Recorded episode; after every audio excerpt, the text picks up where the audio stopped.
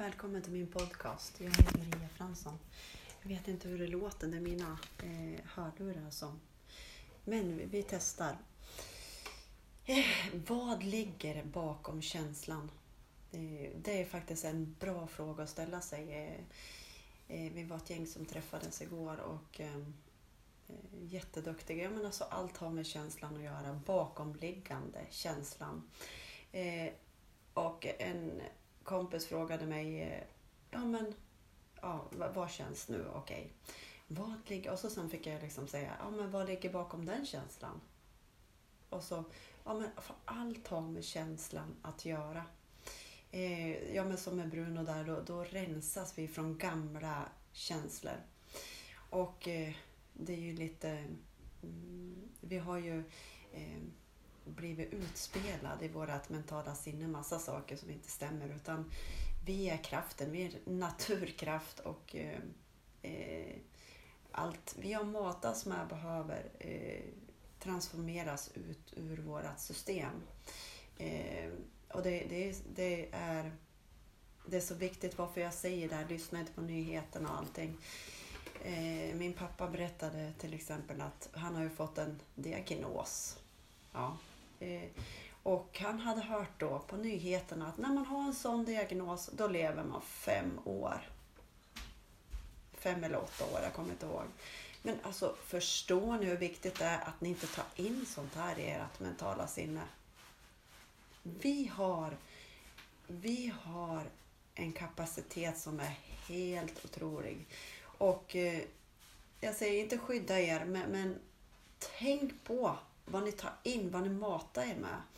Eh, det här är ju mentala sinnet, en gudomlig uppkoppling. Så kan ni ha det istället.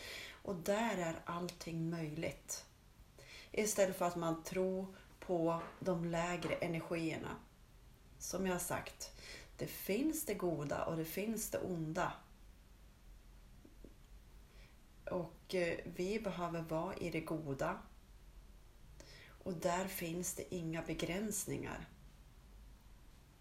I det goda är det ingen som säger så här, ja men du har en diagnos, du kommer leva i fem eller åtta år. Alltså det finns inte.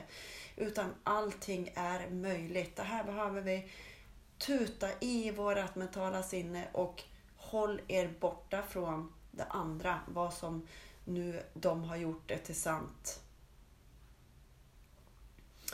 Eh, det är jätteviktigt. Och eh, i alla fall då, jag återgår till igår och hon frågar, ja, men vad ligger bakom den känslan? Vad ligger bakom den känslan? Ja men det, där, där är det så, där är det så. Det känns så här och så här känns det, så här känns det.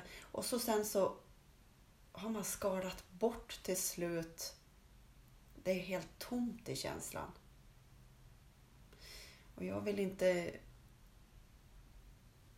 jag vill bara att du ska förstå att du är en kärleksfull, obegränsad varelse.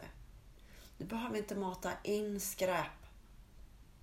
Varken om någon säger så här, ja men så här är det, så här är det. Eh, att du har en diagnos och, och så här är det. Alltså, släpp det direkt. Det är vad de har lärt sig. Det enda vi kan veta det är att följa våran känsla. Eh, det som leder oss dit vi ska. Och släppa på nedvärderande programmeringar som är inte snälla någonstans.